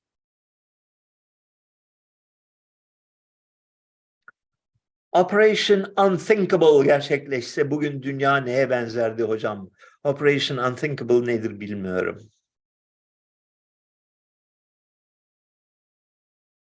Sevan Ağam, Besin Tibuk'la bir program belki yaparız demiştiniz. Bir gelişme var mı?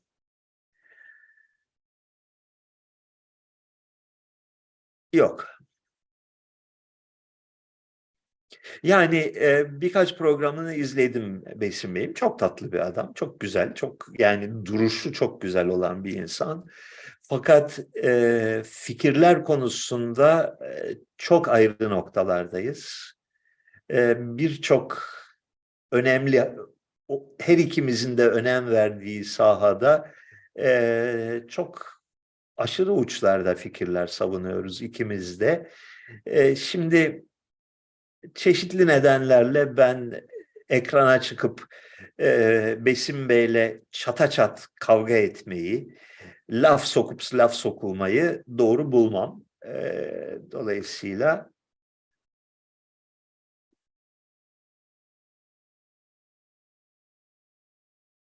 ne oluyoruz bakalım. Evet. Arkadaşı benim var mı? Aman Allah'ım çok uzatmışız lafı. Yo. Ha, iki saate yaklaşmış. Farkında bile değilim ha. Kapatmadan bir iki laf etmek istiyorum. Evet, konuş. Gel. Buraya gelmen lazım.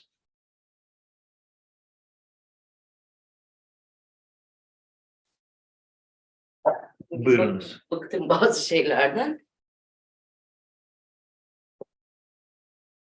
Arkadaşlar, Sevan Bey içki içmiyor. Yalnız pazar günleri içki içiyor. Bu içki muhabbetini çattan artık yani bırakın. Herkese tek tek cevap vermek beni de yoruyor.